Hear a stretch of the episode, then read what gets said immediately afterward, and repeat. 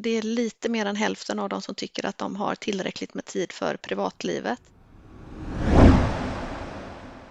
Du lyssnar på Chefspodden och idag ska vi prata om kommundirektörerna och hur de har det. Erfarenhet. Styrning. Administration. Lyhörd. Kompetens. Underskott. Tillgänglig. Kommunikation. Motgång. Förtroende. Ansvar. Coachande. Rättvis. Konflikt. Tillit. Arbetsmiljö. Ledarskap. Hej och välkomna till Chefspodden med mig Hanna Broberg. Idag så poddar vi tillsammans med forskarna Anna Kregård och Rolf Solli. Och den här chefspodden ska handla om kommundirektörerna och eh, den studie som Anna och Rolf har gjort sedan många, många år tillbaka. Eh, välkomna Anna och Rolf! Tack så mycket! Tackar! Kul att, att vi kan göra den här. Vi tycker att det här är ett jätteviktigt ämne att titta på hur de högsta cheferna i kommunerna har det, hur deras förutsättningar ser ut. Och eh, ni har gjort de här studierna återkommande vart femte år sedan mitten på 90-talet. Berätta vilka ni är i övrigt, vad gör ni annars? Så ska vi komma in på studien sen. Mm. Anna Kreor heter jag och jag är docent i företagsekonomi. Eh, jag är förvaltningschef på Högskolan i Borås.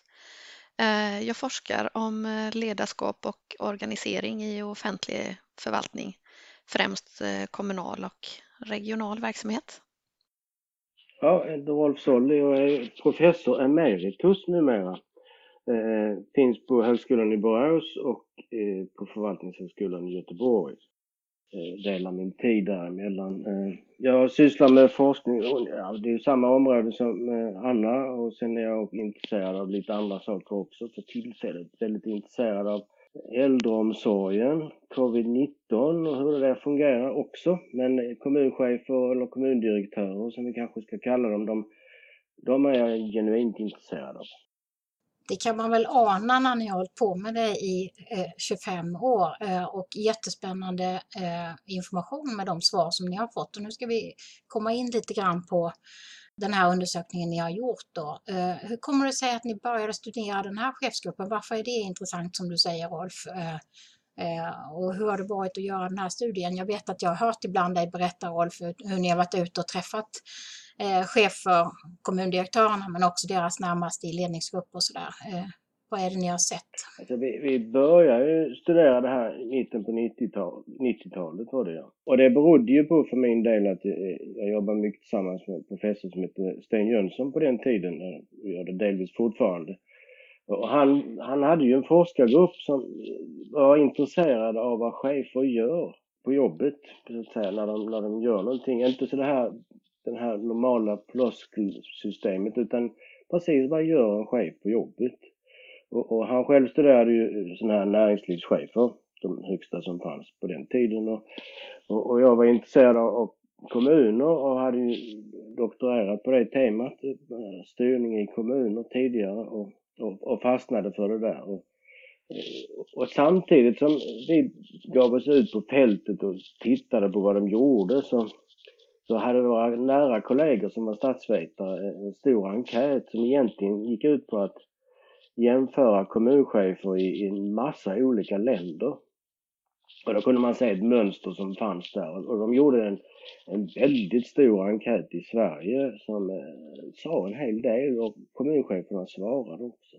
Och, och, sen så har det där rullat på, alltså i samband med det någon gång då, Anna får rätta mig om jag har fel, så kom hon in i bilden eh, eh, som doktorand och intresserade sig för skolchefer. Och det, det, finns en speciell historia varför hon var intresserad av dem. Hon, hon är gift med en lärare. Så det, det, det, var det det gick ut på, kanske. Eh, och, och sen hade vi en annan doktorand som var intresserad av eh, kommunstyrelsens ordförande. Och, och, och, så tog jag hand om kommundirektörerna och så läst, studerade jag också ekonomicheferna, men inte riktigt lika intensivt. Och då hade vi ju hela, kan man säga, den här kommunala ledningsgarnityret på plats. Så vi följde dem en massa år. Och, och sen eh, kan man väl säga att vi har liksom fortsatt sen, sen dess. Och, och nu har vi liksom en av världens största databaser kring vad kommunchefer och kommundirektörer gör och vad de tycker och hur de tänker. Inte hur de tänker vet vi inte, men vi vet ju vad de säger i alla fall. Så, det, är inledningen kan man säga till den här studien och den är ju nu så stor så nu, nu, nu sköter den ju sig själv i någon mening. Alltså det går ju inte att lägga ner den, det går ju inte att avveckla den på något vis. Vi, vi håller ju på av stort intresse fortfarande. Det blir ju mer och mer spännande för varje gång vi ger oss ut på fältet. Mm, Anna? Ja, och då, eh, vi håller ju fortfarande på och tycker att det är jättekul och det är ju fler som tycker det är jätte, jättekul. Eh, och nu eh, är vi med i ett eh, stort projekt tillsammans med andra nordiska forskare som också är intresserade av kommundirektören i de olika nordiska länderna så att vi kan jämföra både bakåt och med olika länder just nu. Det är väldigt roligt. Vi hoppas på att vi ska få en, en bok färdigt i slutet av detta året. Spännande, det ser vi fram emot. Jag kan bara flika in att liksom Akademikerförbundet, SSR och Svensk chefsförening har ju följt det här under många år också. En hel del av eh, de chefer ni har pratat med är ju också medlemmar bland annat hos oss och, alltså, och vi ser ju inte minst det som ni också har kommit in på en del, den här chefsomsättningen som finns även högst upp i kommunledningarna, vad den betyder längre ner för chefer och och vad det gör för verksamheterna och sådär. Så det här är ju otroligt viktigt att se att det finns rätt chefsförutsättningar och eh, vad det är som har förändrats och i så fall varför och sådär. Men om vi ska komma in då på lite, det är en omfattande studie och vi ska försöka koncentrera oss just lite grann på, på eh, de frågor som handlar om deras förutsättningar och så. Kan ni berätta lite mer om eh, enkäten? Vad, vad är det mer för frågor eh, som, som ni ställer i, i i den här enkäten? Det, det, det är man säger, sju teman som dyker upp i den här gigantiska enkäten. Dels så finns det liksom en grupp frågor som handlar om bakgrundsvariabler, alltså det är sånt som ålder och kön och utbildning och den typen av, av data som man gärna vill relatera till någonting lite längre fram kan man väl säga. Så det, det har du fått. Och sen, sen handlar det förstås om arbetsinnehållet. Vad är det man gör på jobbet? Alltså hur, hur förklarar man för andra vad man gör? Och så får de välja en massa olika variabler, vilket som är viktigt. Och sen handlar det ju också om, eh, och det är ju det Akademikerföreningen är mest intresserad av, det, alltså hur nöjd är man på jobbet? Det, det, det är arbetstillfredsställelsen och vad är det som är det för variabler som verkar vara särskilt viktiga för att man ska vara nöjd på sitt jobb? Och sen lär man sig av olika saker. Vi frågar om inspirationskällor. Det handlar om ledarskapsstil, ett antal frågor handlar om det. Och förändringsarbetet, hur, hur ser de på det? Alltså de, är de demokratiska eller auktoritära och sånt finns det variabler omkring. Och sen, sen finns det det här medialt intressanta. Varför slutar de? Hur många har fått sparken på senare tid? Det är sånt där som vi också frågar ut. Men det, det är inte särskilt många frågor som, som handlar om det, men det, det brukar intressera väldigt många. Det är alltså, räknade jag ut igår, 280 frågor. Och det tar sin tid att fylla i den där enkäten. Numera är det ju en webbenkät. Det har väl varit två eller tre senaste gångerna. Men innan dess var det ju en pappersbunt som de fyllde i, kryssade och, och hade sig, kan man väl säga. Det, det är intressant det här att vi har en fantastisk svarsfrekvens. Alltså ingen av de här, vad är det nu, sex enkäterna har mindre än 72% svarsfrekvens.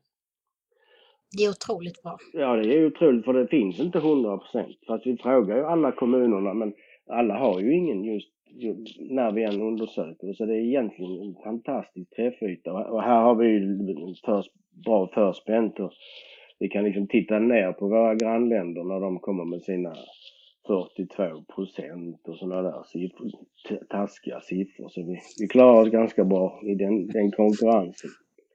Eh, men jag tror det är viktigt att komma ihåg att det är jättestora enkäter och det är jättebra svarsfrekvenser. Ett resultat blir faktiskt att de är extremt tålmodiga de här kommuncheferna. Alltså de, de, de gör det här. Alltså alla svarar ju inte på alla frågor. Någon blir förbannad på någon fråga mitt i och ringer och skäller och sen eller skickar e-mail nu för tiden. Men, men det är jättesällan något sånt händer utan de svarar på. Det är jättebra. Så det är det det handlar om, men som sagt var det är ett tålmodigt gäng. Men då vet ni ju massor om de här kommundirektörerna. Ska vi, eh, kan ni berätta lite grann om vad, vad, vem är den typiska kommundirektören? För det har förändrats en del över tid. Mm, det har det verkligen gjort. Sedan den första enkätundersökningen 1995 så är det flera ganska så slående förändringar som har, som har skett och den kanske som man mest tänker på eller ser är ökningen av andelen kvinnor på, på posten. Eh, 1995 om man tittar där så är det 8% kvinnor. Eh, 2010 så är det 24 procent Eh, och sen tio år senare, 2020 då i slutet av 2020 så är det 41 procent kvinnor. Och det är ju en eh, brant stigning i eh, andelen. Anna, får jag flika in en par frågor? Har ni någon, någon hypotes om, om vad det beror på, att det är så otroligt många fler kvinnor idag? Det kan ju vara en, en aktiv och medveten strategi, men vi kan ju också se att eh, chefskap inom eh, den offentliga sektorn ökar allt mer när det gäller kvinnor. Eh, så det är en generell tendens som man kan se också. Mm. Eh, och andra intressanta förändringar det är att de har i genomsnitt haft tjänsten allt kortare och det är ju en eh, indikation på det som du nämnde tidigare Hanna med eh, omsättningshastigheten. 95 så var det 7,1 år som de innehaft tjänsten som vi frågade och 2020 eh, är det 4,6 år. Och det är ju en skillnad på två och ett halvt år så det är ju mm. faktiskt ganska stor skillnad på ändå förhållandevis kort tid. Och så blir de allt äldre eller deras genomsnittsålder ökar. 95 fyllde de 51 år i oktober. 2020 fyllde de 56 år i november det kan man ju tycka är bra, att de blir fem år äldre på 25 år. Det är ju inte alla som blir det. Det är ju väldigt praktiskt. Ja, det skulle man väl önska. Ja, om det ja. kunde vara så på individnivå ja, också. Ja. När det gäller var de bor eh, så, så kanske det fanns tidigare en tanke om att det skulle vara bra att bo där man eh, är kommundirektör men Eh, så är det nog inte riktigt längre. Eh, om vi ser 95 så är nästan 80 procent eh, som bor på den ort där man arbetar. Medan det 2020 så är det ungefär, ja det har nästan halverats, inte riktigt men nästan. Och om man funderar lite på det så kan man säga att det, det är ju lite praktiskt för om det betyder att eh, byte av kommundirektörsjobb inte blir en lika stor sak, att man måste också flytta, så, och att man då kan bo kvar på sin, på sin hemort så, så blir ju det lite enklare. Eh, och med tanke på att det är allt kortare tid på posten så kanske det, ja, det kan faktiskt vara praktiskt tänker jag. Mm.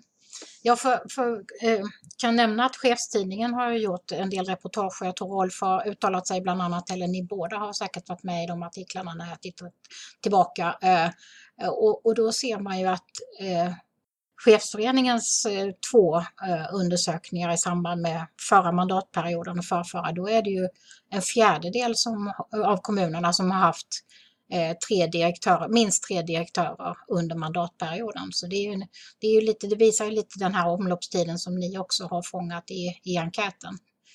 Och då, och då är det väl så, då, då, pendlar man sen, man får ett nytt jobb och man pendlar dit eller man flyttar dit istället eller man flyttar någon annanstans så man kan eh, i närheten. Så att, eh, mm, mm. Det är ett nytt men, mönster. Ja, det är ett nytt mönster, men jag tror också att man kan eh, säga att det är en ny syn också på, eller ny, det har förändrats under de här åren, eh, hur man tänker kring att man, eh, hur länge man är på posten, men också att, att man byter. Och det ser vi ju i enkäten också att det är väldigt många fler idag som kan tänka sig att eh, ja, man, man, byter jobb om det kommer rätt chans eller om man, man eh, vill fortsätta i karriären. Mm. Ja, ja, det är ju intressant. Det är, det är en förändrad kommundirektör som, som vi ser här på 25 år. Eh, fler kvinnor och, och äldre. Eh, men om man tittar lite mer eh, på liksom, vad, de, vad de gör så är det också lite förändrade uppgifter i, i i innehållet. Ni har sett att det är mer byråkrati också till exempel i, i arbetsuppgifterna. Ja, det, det är ehm, det. Det finns ju en slags eh, mall att utgå ifrån när man diskuterar det här med administratörer som, som ledare. Det, Och, det tillhör ju byråkratin. Alltså, all, det är inte så att det är något fel på byråkrati, för det måste vi ha. Men, och de hör, hör ju till den sfären, för de är inte riktigt i den politiska sfären. Åtminstone inte i Sverige. Och, och i varje fall i väldigt få, få eh, kommuner. Eh, Så man skiljer på den klassiska byråkraten och den politiska byråkraten. Så jämför vi dem med olika länder. Eh, Och den här klassiska byråkraten är en sån där som ägnar sig åt att leda personalen och sköta ekonomiska angelägenheter som budget och sådana saker. Och se till så att reglerna följs och, och hjälpa politikerna kan man säga med tekniska råd. Det är den här klassiska byråkraten. Och den, det, det är ett litet mindre inslag i, i, i kommundirektörernas jobb men det, det är nästan halva kan man säga, arbetsinsatsen handlar om den typen av, av frågor. Och de har framförallt ökat. Alltså de har ökat med eh, storleksordningen över 20 procent av den här eh, undersökningsperioden och de, och de ökar kan man säga systematiskt. Den alternativa eh, arbetsuppgifterna, det man kallar den politiska byråkraten, det, då ägnar man sig åt att formulera idéer och visioner och antagligen mål också. Eh, eh, man främjar nya projekt och man hjälper till i politiken med politiken. Eh, man ser till så att man vet vad medborgarna vill och tycker och tänker. Och, och, och i viss mån så ägnar man sig, ser man ju till så att det finns någon slags förnuftiga lösningar i, i sammanhanget. Alltså politiskt gångbara lösningar kallar man ju de här förnuftiga. Och, och det är lite större andel av, kommuncheferna som ligger på det här planet, på den politiska byråkratin. Men det är inte mycket mer. Och det, och det har också ökat, men väldigt lite. Alltså under den här perioden kan man säga att det är nästan konstant medan den här eh, klassiska byråkraten har, har växt sig rätt mycket starkare. Så det, det, där finns en sån skillnad i, i hur arbetet har bedrivits under de här åren. Så där finns också en rörelse som, som går. Det, det kan vi ju komma in på eh, vad det lider. va- Alltså, varför är det på det viset och vad betyder det? Eh, vad det handlar om. Eller ska vi veckla ut det lite redan, redan nu tänker jag. Alltså, eh, dels så tycker jag att det kanske skulle kunna vara mer inflytande från andra länder om hur den här rollen bör vara och sådär. Också att politiken tittar sig om efter vad politikens roll ska vara och att det skulle ha förändrats en del sedan, 90-talet. Eh, men, men, och att det då skulle vara mer, alltså, det är så komplext och många kommuner, i alla fall då, några blev färre i befolkningen och har stora utmaningar i det. Och några, några växer enormt med mycket bostadsbyggande och infrastruktur och stora projekt och eh, sociala utmaningar och så. Så att det finns ju, det finns ju ett behov av en ledande tjänsteman som, eh, som kan greppa den här typen av frågor och hjälpa till och ha den här dialogen med politiken. Och ni pratar om det här med att hitta förnuftiga lösningar ändå har ökat något som, som en del i rollen. Men, men ser ni några sådana Eh, förändringar? Eller inte bara i enkäten, om vi vidgar det lite grann i... Jag, jag tycker att man, det finns en, en slags förändring som man kan förstå också. Alltså det, den här förstärkningen av den här klassiska byråkraten, det är ju de administrativa kontrollinstrumenten som har växt till sig. Alltså det är budgetstyrningen och det är regelstyrningen och det är den typen av föreskrifter som säger hur man ska göra och hur man inte ska göra. Det, de har växt sig starkare kan man väl säga. Och jag tror att det, det, det hänger mycket ihop med att vi ägnar oss mycket mer åt ansvarsutkrävande nu för tiden än vad vi gjorde för eller 80-90-talets början i alla fall. Alltså det, det, det, det har liksom kommit på senare år och när vi börjar utkräva ansvar då blir sånt som regler och budgetar och sånt, de instrumenten blir viktiga. Eh, och allt viktigare, så kan man säga orsaken till varför man kanske får sluta i värsta fall eller man ska utkräva ansvar av någon speciell person eller någon speciell funktion. Och, och det har det ju blivit mycket mer av. Eller mer av i alla fall. Och då kan vi ju liksom pigna till och säga att ja, det är 20% mer nu än vad det var tidigare. Så är det med det. Och det är rätt mycket. Så jag tror att det finns en sån här förändring. Sen, sen kan man ju fundera på hur, hur det är i andra länder men eh, det är väldigt stor skillnad och det är väldigt kulturellt betingat. Alltså, det här med många kvinnor som, eh, som kommunchefer är ju väldigt vanligt i de sydeuropeiska länderna. Eh, och var förr i tiden, mitten på 90-talet, ganska ovanligt här uppe i Norden och idag är det samma rörelse överallt. Alltså, Eh, det, det, är en sån förändring som pågår. Men den här nordiska jämförelsen, den, den ska vi återkomma till någon annan gång för att vi är inte riktigt färdiga med den än, men den, den kommer. Det blir spännande att titta på för jag tänker just den, det, det verkar ju ge er enkät också eh, uppgiften att utveckla dialogen eller relationen eller samarbetet mellan politik och tjänsteman har ökat något också. Och det, den här komplexiteten och, och liksom att rollerna prövas lite gör väl att man förmodligen får lägga mer tid på det också så, som tjänsteman. Helt rätt. Mm. Ja, spännande. Vi får, vi får sända no några fler poddar om det här när ni är klara med den nordiska delen. Men det, det finns jättemånga intressanta infallsvinklar på det där med politik och profession som, som jag tror eh, ja, som vi får prata mer om sen. Men den minst viktiga uppgiften då bland de, de uppgifter, många, många, många uppgifter som kommundirektören har är till exempel eh, att säkerställa att föreskrifter och lagar följs och så. Det blir man ju som medborgare lite orolig över eller förvånad över att, eh, eh, att det inte är någon jätteprioriterad uppgift. Hur, hur förklarar ni det? Men, men, men om du tittar på den så kan du säga att den har blivit mer och mer prioriterad. Mm. Det... Och bland, bland, bland de uppgifter som prioriteras lägst av de, i de uppgifter som vi frågar om så återfinns det att leda underordnad personal i den dagliga ärendehanteringen, eh, ge kommunstyrelsens ordförande politiska råd och det som du tog upp då att säkerställa att föreskrifter och regler följs. Men eh, det är klart att det är ju, en, det är ju prioriteras lägst men ändå inte jättelågt ska jag inte säga utan det, där har vi den här ökningen. Och eh, jämför man bakåt i tiden eh, så eh, 95 var det inte så viktigt att sköta ekonomiska angelägenheter, angelägenheter med redovisning och budget och så. Men det har ju ökat markant och som Rolf berättade om precis. Eh, och om man tittar på alla de här uppgifterna som vi pratar om så, så ökar nästan alla uppgifter vi räknar upp och är, blir vikt, allt viktigare över 25-årsperioden. Det är inte en, det är inte en rangordning utan eh, de blir viktigare allihop.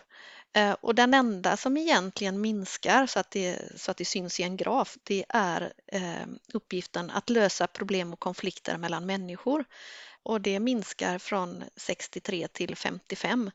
Och det är ju ändå en, en märkbar Eh, förändring. Och det, det, här tycker jag är jätteintressant för chefsarbetet är ju fyllt av eh, konflikter mellan människor som eh, helst ska hanteras innan de blir riktigt otäcka.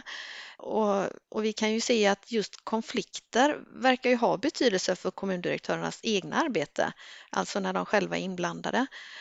Och konflikter kan i sig kom, sätta ramar för vad som är möjligt att genomföra i chefskapet och så. Och, ehm, ja, ytterst så skulle det kunna handla om att behöva avsluta ett chefskap. Och så just hanteringen av konflikter och samarbetsproblem, eh, att, att det är den enda som har sjunkit, det tycker jag är, är intressant. Vad den här eh, förändringen, att det mesta verkar eh, öka i, i viktighet, det, det är ju svårt att säga också vad det kan bero på, men eh, kanske förväntar vi oss, eller kommundirektörerna snarare, att vi ska ha koll på chefskapets alla delar väldigt mycket och rollen ser mer komplex ut när, när man tittar på enkäten som helhet. Och kanske ställer kommundirektören också allt högre krav på, på sig själva och på, sitt, eh, på sin roll. Eh, både eh, operativt och strategiskt och inom förvaltningen som Rolf berättade om och också i frågor som kanske mer klassas som då nära politiken till exempel som att planera för regional utveckling och ge politiska råd till KSO. Ehm, men ja, ja det, det, är en fråga som man kan grotta i lite och det får vi, det får vi göra framöver. Mm. Ja, alltså höga krav både på sig själva som du är inne på men också eh, eh de här, det som Rolf säger om att, eh, att ni ser att, att eh, kraven kring, kring redovisning och, och eh, budget och sånt ökar kraftigt. Så det är de, de krav som ligger i, i, ifrån uppdragsgivarna också. Eh, då ser man ju om man tittar lite grann på deras, liksom, hur, hur de mår och så. De jobbar mycket, de jobbar otroligt mycket extra eh, eh, varje vecka och månad. Det stämmer ju ganska väl med andra höga chefer som vi har tittat på i, i våra medlemsundersökningar och så också. Mm. Så hur har de det då på jobbet när de jobbar så här mycket? Vad är det ni har sett? Eh, ja, de, visst jobbar de mycket, eh, ungefär 50 timmar per vecka i genomsnitt. Eh, det gäller både kvinnor och män. Det är ingen skillnad alls längre, det var det tidigare. Att man angav i alla fall olika antal timmar som man arbetade. Men jag tror inte att man kan förvänta sig något annat. Det är en oerhört omfattande roll. Men det betyder också eh, det som vi kan, se det är också att eh, det är lite mer än hälften av dem som tycker att de har tillräckligt med tid för privatlivet. Eh, det var värre tidigare för, eh, för fem år sedan och tio år sedan så låg det runt en tredjedel bara som tyckte att de hade tillräckligt med tid för privatlivet. Och om man tittar på andra eh, förutsättningar och hur de har det på jobbet så eh, det är mycket, mycket som är väldigt bra. Eh, de har fina fysiska arbetsförhållanden. De har bra lön och förmåner uppfattar de. När det gäller lön och förmåner så, så är det faktiskt så att de uppnår idealet med råge. Så det är mycket som är positivt även om det förstås är en, en, en roll med, eh, som kräver mycket. Och de eh, uppfattar att de har inflytande och de har gott samarbete med kollegor och så som är ju viktiga delar också i ett sådant eh, komplext arbete. Mm. Men jag tänker, ja, no, fortsätt. Nej, jag tänker, jag kan bara liksom reflektera över det du säger att de har höga löner. Det är ju ett svårt arbete och jämför man Mm. ändå med, med privat sektor så ligger ju kommundirektörerna inte så högt som motsvarande så kvalificerade chefsuppdrag har i privat sektor. Eh, Mm. Men det, det blir en helt annat fokus. Just med chefsavgångarna så blir det också rubriker kring de här lönerna i samband med avgångar och så. så att, eh, Ja, blir- precis. Och, och jag tycker eh, det här handlar ju inte om att de jämför egentligen eh, utan, eh, och de säger ingenting om nivå utan här handlar det om eh, om de är nöjda med sina förutsättningar. Så jag tycker att det, det, att de är nöjda med sina förutsättningar betyder egentligen inte att de är nöjda i jämförelse med andra branscher helt enkelt. Det är ju ett oerhört komplext arbete och med mycket, mycket stort ansvar. Men det, det finns ju några andra saker som jag tycker är jätteviktiga att notera. Alltså de, de, de gillar ju, de tycker det är väldigt viktigt att man har en bra chef. Och det har alltid funderat på om de tänker på sig själva, att de är en bra chef och det är viktigt att vara som de är, eller om det beror på att de faktiskt tycker det. Men det, det är nog så att eh, de flesta som har varit ett bra tag i arbetslivet säger att eh, om man, om man ska välja någon variabel som är viktig så är det en bra chef. För då löser sig allt andra Eh, lönen och arbetsvillkoren och, och sånt där. Det, det verkar vara viktigt. Så att, eh, därför har jag alltid sagt till mina studenter, de ska inte söka jobb, leta rätt på en chef istället. Det är mycket bättre råd. Och har man inte en bra chef så går det inte att vara där. Alltså det, det, det, det är den utveckling som finns. Och Sen, sen finns det mycket, de, de som svarar på enkäten ska man komma ihåg att de gillar sitt jobb. Alltså det, det är när det riktigt strular till sig som man kanske inte gillar. Man skulle kunna svara, tänka sig att de svarar annorlunda. Men de är väldigt nöjda med sitt jobb och, och det är inte alls självklart att de överhuvudtaget kan tänka sig att jobba någon annanstans. Utan även om man kunde få ett, ett bra alternativ så är det inte säkert man skulle ta det. Alltså. För det, det, det känns bra. Det, man har påverkan, man är närvarande och man eh, kan få en massa intressanta saker gjort. Så det är egentligen ett bra jobb. Mm. Men det, här, eh, men det här med att välja chef, det gör man ju inte riktigt som kommundirektör. Det kanske man gör om man kommer ny till en kommun. Man träffar den, eh, den eh, ordförande, kommunstyrelseordförande som, som är med och rekryterar en, men också som man väljs av kommunstyrelsen eller utses Eh, utav kommunstyrelsen. Men, men sen kan det bli ett maktskifte och, och så. Så att det är liksom, det är inte säkert man väljer. Och det, den uppdragsgivaren, det är en konstig relation för det är på något sätt som att uppdragsgivaren ändå är ens chef eh, när man är då högsta chef i, i, i en kommun. Och, och, det kan man ju se att det, där finns ju en viss skillnad mellan det ni kallar idealt, alltså önskat tillstånd och, och hur verkligheten ser ut, deras samarbete med politiken och deras uppdragsgivare. Kan, kan ni säga lite mer om den diskrepansen, liksom? för den är lite större än, än en del andra eh, eh faktorer i er enkät?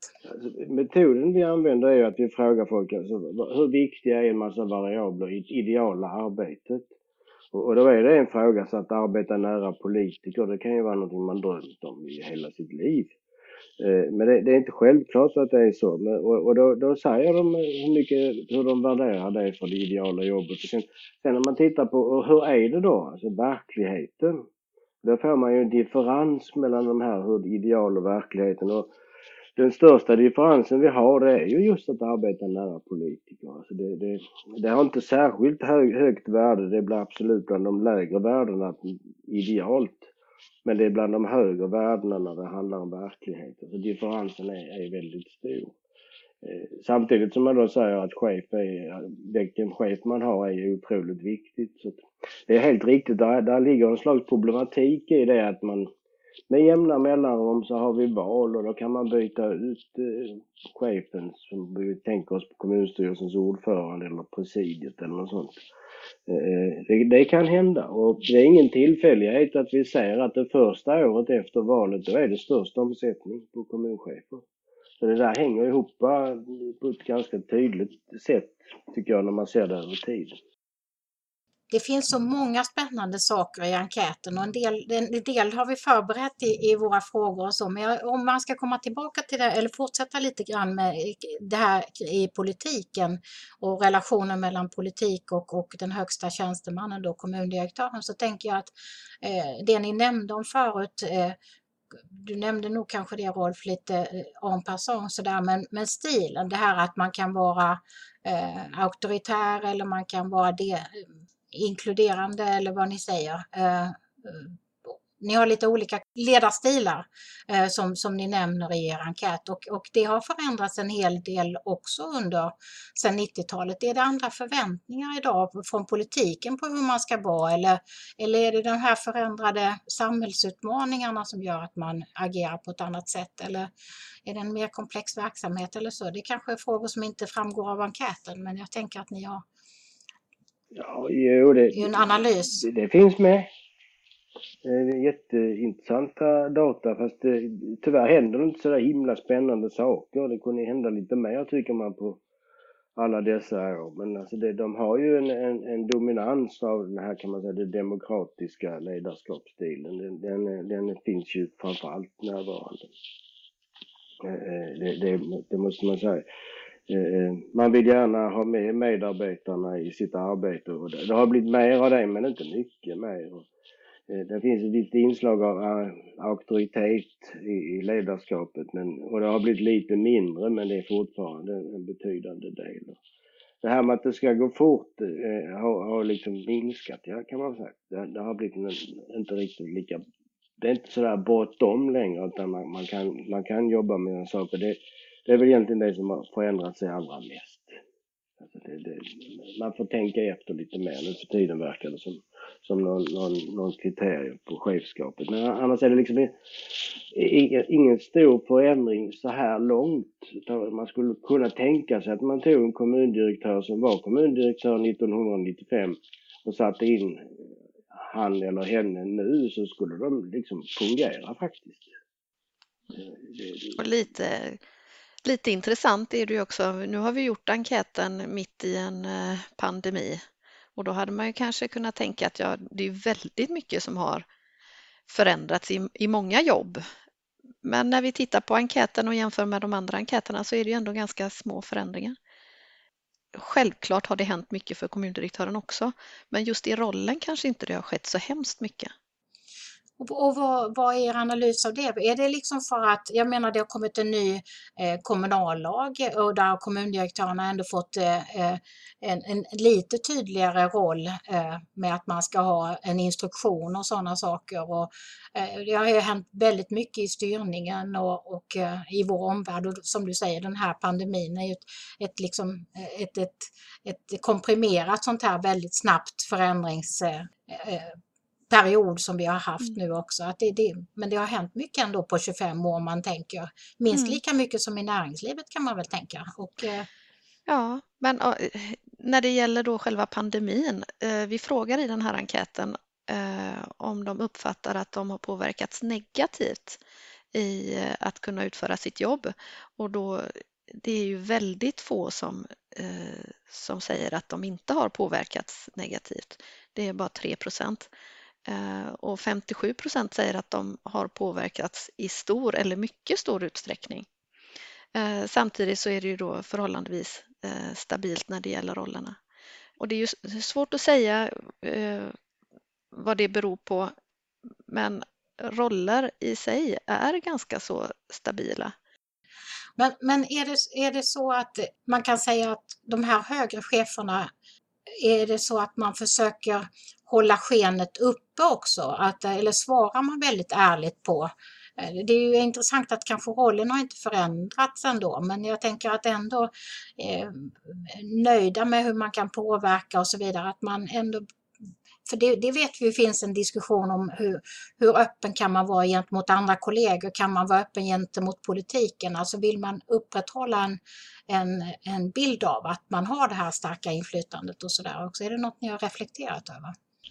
Alltså jag tror att folk svarar vad de menar. Det, det, är så många frågor så att skulle de börja liksom hitta på svar så, så tror jag det blir för jobbigt.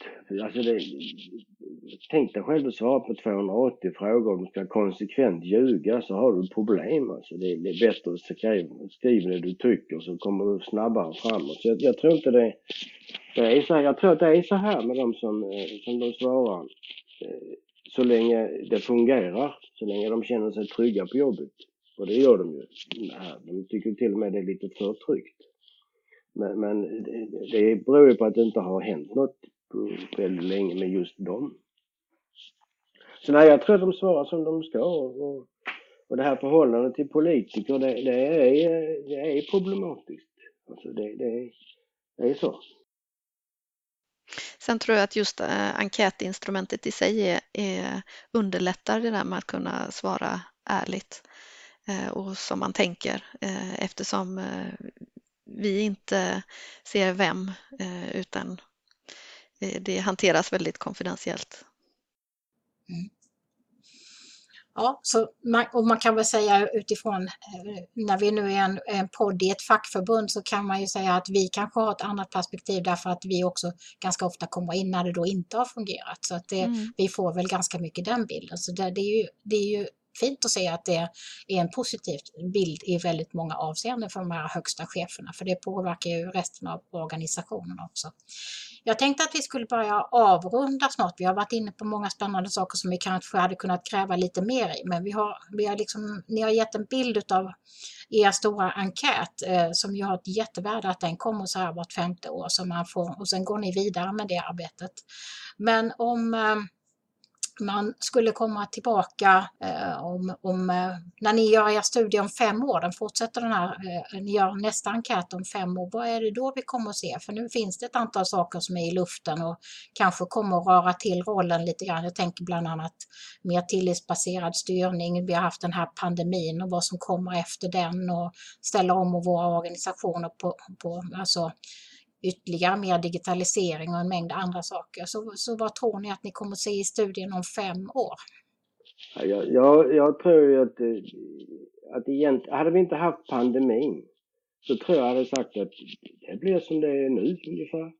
Det är inte särskilt annorlunda som hade hänt men jag tror, och det där med tillitsbaserad styrning det, det har ju vi ju pratat om sen, alltså länge jag minns och det är länge. Alltså på 80-talet pratade vi om tillit fast vi kallade det förtroende. och så kallade vi det decentralisering och sen nu pratar vi om tillit för tillfället. Och, och jag kan se hur många som helst likheter. Det, det där tror jag inte är något, något sådär radikalt annorlunda. Men jag, jag tror att den här pandemin har tvingat oss att vara annorlunda. Den här podden hade, för, om det hade varit för ett och ett halvt år sedan, så hade vi suttit i Stockholm alla fyra runt ett bord och pratat med mikrofoner och tittat på varandra. Och det, det har inte ens varit en fråga idag. Var ska vi sitta någonstans? Det är helt självklart att man sitter hemma eller någon annan hemligt ställe. Det, det, det, det, det tror jag har blivit annorlunda. Så om man jämför om just fem år, då, då, då har ju det här sättet att kommunicera etablerat sig mycket starkare tror jag. Och jag tror att ledarskapet kommer att bli annorlunda. Alltså det finns ett annat sätt att tränga igenom i, i rutan och bilden än vad det är på, i den verkliga verkligheten. Så där tror jag att det kan bli en del förändringar. Men, men det är det som kommer att bli annorlunda, inte så mycket annat. Eller vad, vad tror du Anna? Ja, eh, forskare har ju generellt svårt att säga någonting om framtiden för där har vi alltid lite tunt på fötterna. Eh, men om jag ska ge mig på en gissning så tror jag att eh, eh, det som kommer till uttryck här i enkätserien med en lite mer komplex roll som ser ut att komma lite närmare politiken och ändå samtidigt i ehm, ett fördjupning kring det byråkratiska så kommer det vara frågor av både väldigt strategisk och mer operativ art. Ehm, Alltså, kanske eventuellt. Eh, och kan hända. Kan det bli eh, eller stabilisera som en ganska så eh, komplex, ökat komplex roll eh, med eh, ett nära samarbete med politik och eh, också fördjupning kring tjänstemannafrågorna. Eh, men att det är så stora och strategiska frågor som man jobbar med att det, det gyllene gränssnittet mellan politik och förvaltning eh, åtminstone inte blir enklare att hantera. Och kanske är det det som vi ser i den ökade omsättningen. Just kopplingen mellan politik och förvaltning där man förväntar sig allt mer strategiskt och synligt ledarskap av kommundirektören samtidigt som det då är eh, Eh, svårnavigerat. Eh, och just den tillitsbaserade styrningen som eh, både du, Hanna och Rolf tog upp tror jag inte gör det enklare men kanske kan den ge svängrum för att alla parter inom det gyllene gränssnittet ja, utvecklar roller men också då behöver prata om dem och lägga på bordet vad man har för förväntningar. Ehm, ja, så mycket kommunikation och förtydliganden om förväntningar mellan politik och förvaltning och, och då särskilt vid byte av politiker. Så mer komplexitet tror jag. Mycket mm. komplexitet nu men i alla fall inte mindre. Nej. Spännande, vi får återkomma. Vi kanske får göra en särskild podd med några kommunstyrelseordförande också och höra vad de tror kommer att hända de närmaste åren. För jag tror också att det där gyllene zonen eller gränssnittet politik och, och eh, högsta chef är, är superviktigt eh, när det ser ut som det gör. Men jättespännande enkät. Tack så mycket till Anna Kregård och Rolf Solli för att ni har berättat om vad det är för kommundirektör vi har. Tack så jättemycket. Tack själv. Tackar. Vi sänder en ny chefspodd igen om ett par veckor och du hittar chefspodden på Spotify och andra kanaler där poddar finns. Tack och på återhörande.